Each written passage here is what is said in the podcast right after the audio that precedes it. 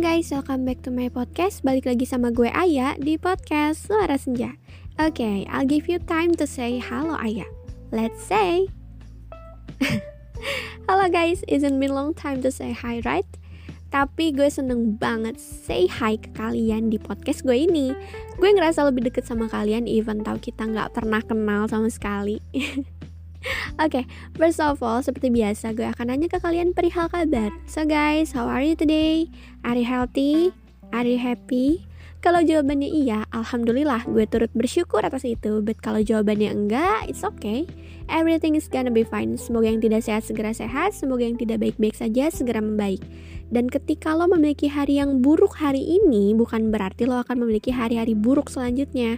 Because apa yang sudah terjadi di hari ini tidak akan terulang ketika lo mau menjadikan hari ini sebagai pembelajaran dan juga jembatan untuk mendapatkan hari yang lebih baik. Yang paling penting, lo harus tetap yakin dan percaya kalau lo bisa. So smart guys. Sebelum mulai ke podcast, gue mau ingetin dulu nih ke kalian kalau podcast gue akan upload setiap hari Rabu dan hari Sabtu. Jamnya random, lebih sering jam 8 malam, tapi nggak jarang gue uploadnya siang, kurang dari jam 8 malam, atau bahkan lewat dari jam 8 malam. Pantengin update di Instagram gue at ayafdya. Gue akan selalu post story kapan gue upload podcast dan gue akan kasih free view-nya. Jadi untuk kalian semua alias Senjadik, Cila punya nickname nih kalian guys. Jangan lupa follow Instagram gue untuk tahu terus tentang kelanjutan podcast ini ya. Untuk kalian yang mau berbagi cerita buat diulik jadi materi podcast juga bisa banget nih guys. Kalian tinggal send via DM, nanti gue akan buatin podcastnya dan gak lupa mencantumkan sumber. Untuk yang memang gak keberatan di spill sumbernya. Yang mau cerita juga boleh, DM gue terbuka untuk kalian semua. Oke, daripada lama-lama di opening, gimana kalau kita langsung masuk aja ke pembahasan kita kali ini?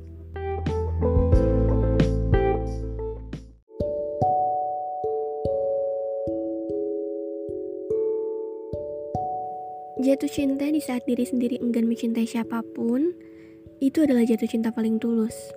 Betul gak? Karena gini, dari awal kita udah berusaha untuk tidak menyimpan ekspektasi kepada siapa pun, enggan mencintai siapa pun, karena kita ngerasa kalau tanpa cinta pun kita akan tetap bahagia. Sampai entah gimana, Tuhan kirim satu orang dengan segala hal yang membahagiakan datang ke hidup kita orang yang secara tidak langsung menunjukkan bahwa sejatinya Tuhan itu baik. Sekalipun dulunya kita dipukul oleh jutaan masalah yang gak ada habisnya, people come and go, bahkan satu person yang paling dipercaya gak akan go, justru jadi sosok yang paling pertama pergi. Kejadian itu yang bikin kita trauma, sakit, sedih, kecewa, dan menutup diri. Tapi akhirnya Tuhan kasih dia. Dia yang entah gimana bisa masuk ke kehidupan kita lebih jauh. Dari yang kita pikir hanya sebagai tamu yang mampir karena kelelahan, justru sekarang malah jadi pemilik rumah. rencana Tuhan tidak bisa ditebak, tapi percayalah, rencana Tuhan adalah rencana paling sempurna dibandingkan skenario-skenario menyenangkan yang ada di benak manusia. Sampai akhirnya berulang kali kita mikir, layak gak sih gue dapetin dia? Dan dia sayang gue gak ya? Padahal mungkin tanpa kita tahu, dia pun mikir hal yang sama. Karena kalian sudah sama-sama di fase saling mensyukuri dan takut kehilangan lagi. Bukankah hubungan yang dilandasi rasa syukur dan takut kehilangan akan berjalan dengan baik? Aminin dulu. Tuhan, kita semua tahu bahwa sejatinya people come and go memang ada. Tapi boleh minta dia untuk stay. Bukan cuma pas people come and go kan? Manusia juga butuh someone to stay. So, untuk ini, jika boleh egois, dia aja yang stay ya. Dia mungkin terlihat sederhana di mata orang biasa, tapi di mata kita, dia tanpa celak. Karena apa? Seseorang akan terlihat sempurna di mata orang yang mencintainya. Sampai sini nangkep gak maksud gue? Jadi maksudnya adalah gue sayang dia. Sekalipun orang bilang dia biasa aja. Gak ada apa-apanya. Tapi di mata gue, dia adalah orang yang hampir tanpa celah. begitulah. Ibaratnya, dia adalah sosok asing dari antah berantah yang datang ke hidup gue tanpa gue tahu tujuannya apa. Gue hanya berpikir bahwa dia hanya sebatas manusia baru yang akan gue kenal, lalu setelahnya kita akan saling melupakan atas perkenalan singkat itu. Ternyata berlangsung sampai detik ini. Dia adalah manusia yang tidak pernah ingin gue ganti dengan siapa pun atau bahkan apa pun. He's the one and only. Kalau lo semua pernah ngerasain patah hati yang sampai bikin lo ngerasa gak selera untuk jatuh cinta lagi, lo akan paham seberapa besar perasaan bahagia gue ketika gue tahu saat ini gue tidak lagi mencintai orang yang salah. Dulu, gue adalah manusia tertutup. Gue selalu mendem apa pun sendirian. Karena faktanya, semua orang terdekat gue hanya penasaran tentang apa yang gue rasain.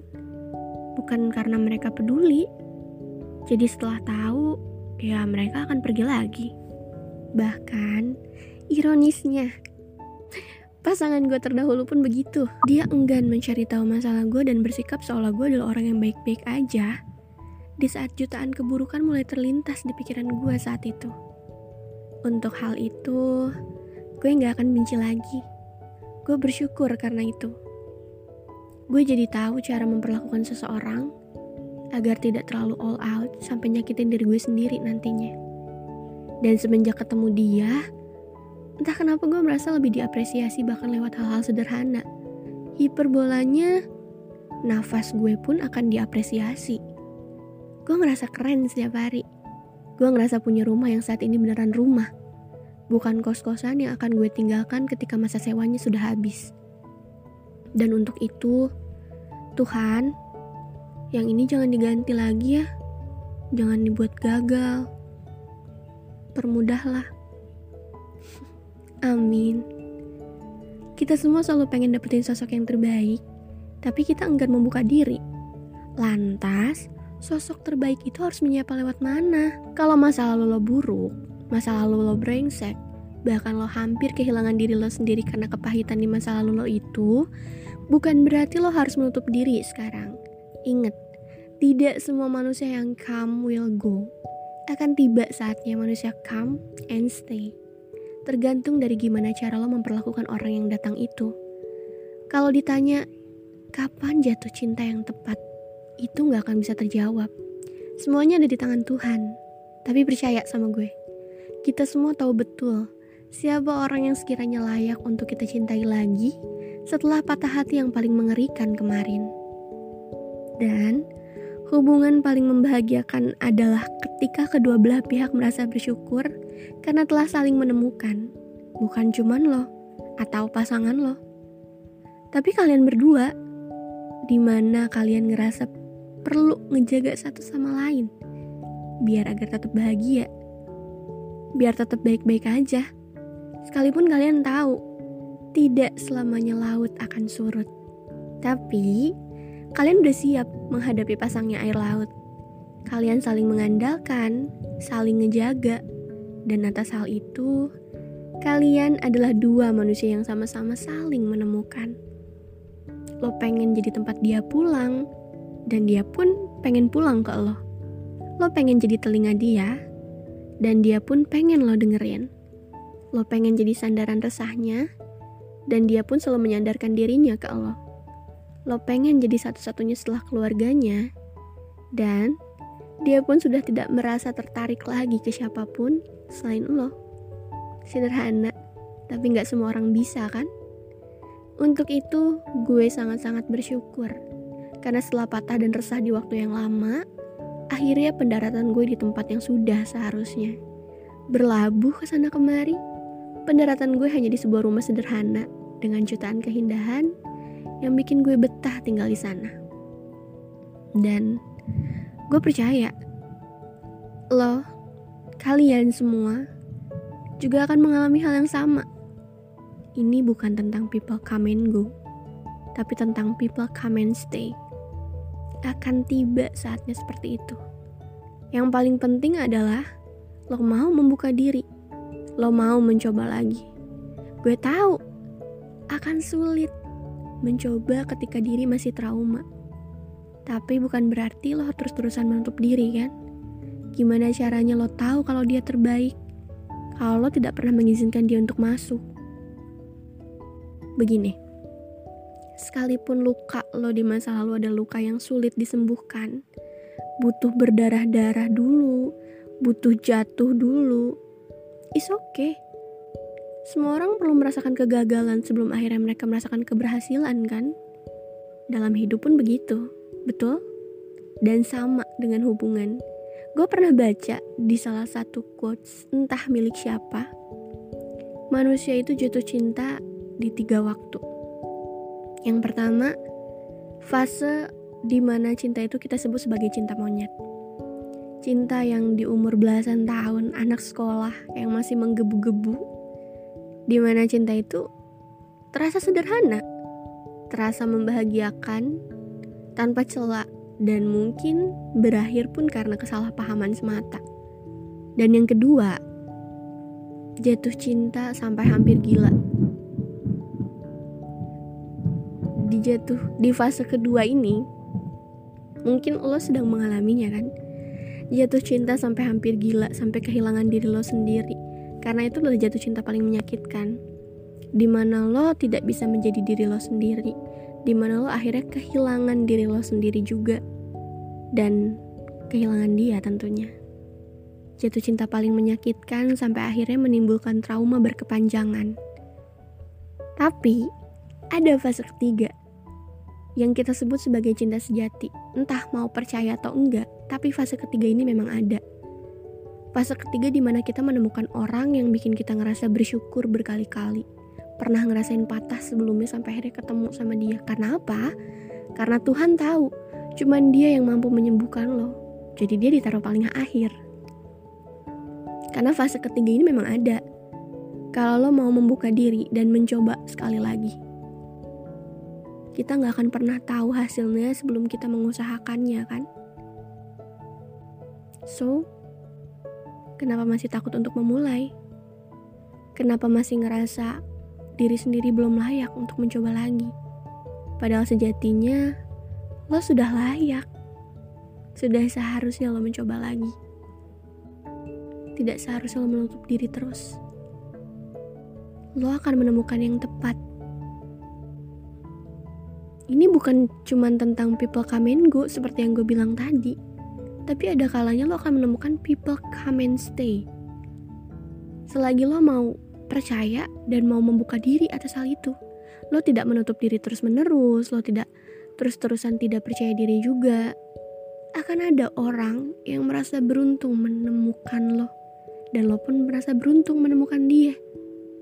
Singkatnya kayak gitu, kalian sama-sama ingin berhenti di titik yang sama, dan sama-sama ingin memeluk, sampai akhirnya kalian ngerasa sudah cukup untuk satu sama lain begitu. Ada kok fase kayak gitu. Jadi jangan pernah takut untuk mencoba lagi ya. Kalaupun kalian kecewa lagi, itu cuman kerikil kecil. Kalian bisa singkirin hal itu. Bukankah sebelumnya kalian sudah menghadapi guncangan terbesar yang bikin kalian trauma? Masa kerikil kecil aja nggak bisa bikin kalian terus melanjutkan perjalanan? Ayo, jadi untuk ini, paham kan maksudnya ke mana? Bahwa kalian tidak pol tidak boleh terus-terusan ngerasa trauma bikin kalian enggan untuk maju. Majulah, terobos terus. Masalah apa pun yang ada di depan mata, tabrak aja. Gak usah takut sama masalah. Gak usah diperbudak oleh rasa trauma.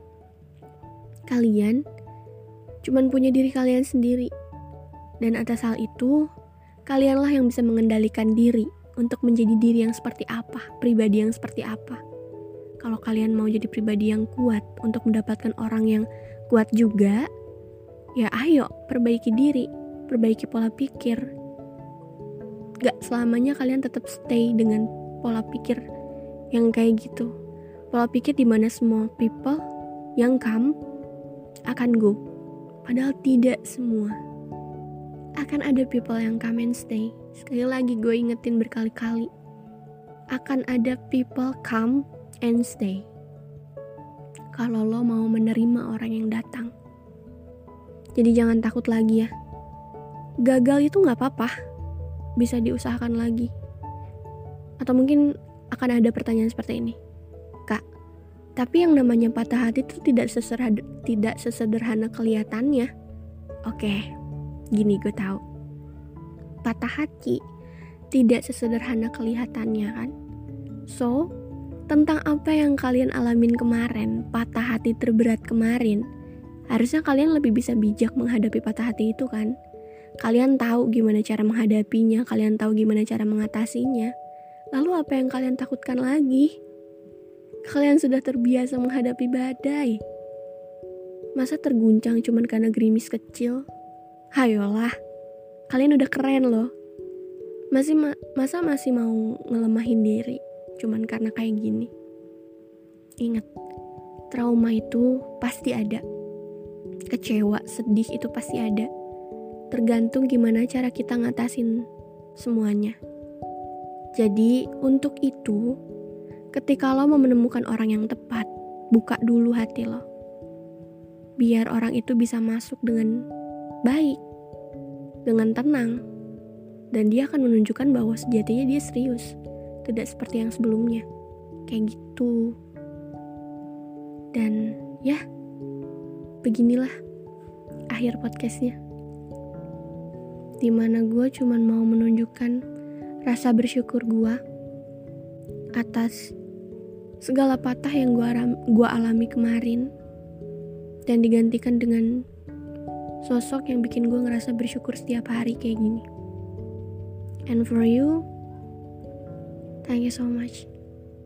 Terima kasih sudah datang dan menetap. Semoga ke depannya, entah akan ada berapa juta tahun lagi, berapa ribu tahun lagi, kamu akan tetap manggil aku dengan nada paling lembut.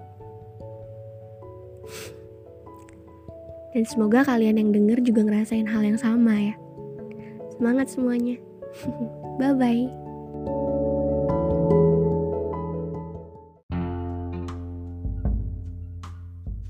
That's all untuk podcast hari ini. Guys, thank you so much udah denger podcast gue dari awal sampai akhir tanpa di skip. Tetap sabar dengerin meskipun kekat sama iklan karena Spotify kalian belum premium kan? Canda bercanda. Terima kasih juga karena selalu dengar podcast-podcast gue yang masih di tahap perbaikan untuk terus berkembang jadi podcast yang nyaman didengar sama semua orang. Terima kasih banyak karena kalian mau meluangkan waktu kalian yang super padat itu untuk sekedar dengerin ocehan gue yang kadang tidak mudah kalian mengerti ini. Because ya, kosakata yang gue pilih kadang aneh atau kadang gak sesuai sama konteks pembahasan yang lagi coba gue sampaikan. Sekali lagi terima kasih banyak atas kesediaan kalian untuk mensupport kegiatan gue secara tidak langsung ini. Gue harap gue akan selalu bisa menyapa kalian lewat podcast-podcast sederhana yang gue buat. Gue bisa nemenin hari-hari kalian atau mungkin gue bisa menghibur kalian juga. Untuk segala pembahasan yang sudah gue sampaikan barusan, itu tolong diambil sisi positifnya dan buang sisi negatifnya. Mohon maaf kalau sekiranya ada omongan gue yang kurang mengenakan atau nggak jelas. Karena seperti yang gue tegaskan tadi, gue masih dalam perbaikan untuk berkembang menjadi yang lebih baik.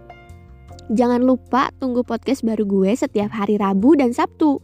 Jamnya random, tapi lebih sering jam 8 malam atau kalau mau lebih update lo bisa follow gue di Instagram @ayafdya. Sekali lagi DM gue terbuka untuk lo semua yang mau sharing atau mau ngejadiin cerita kalian sebagai topik dari podcast gue ini. Untuk itu gue pamit undur diri di episode kali ini. Ingat untuk selalu jaga kesehatan, gak cuma kesehatan fisik doang, tapi hati juga. Jangan biarin diri lo tenggelam dalam hubungan yang toksik atau hubungan yang gak jelas arahnya itu guys. Come on, let's move on. Sudah dulu ya, see you on the next podcast. Jadi, bye-bye.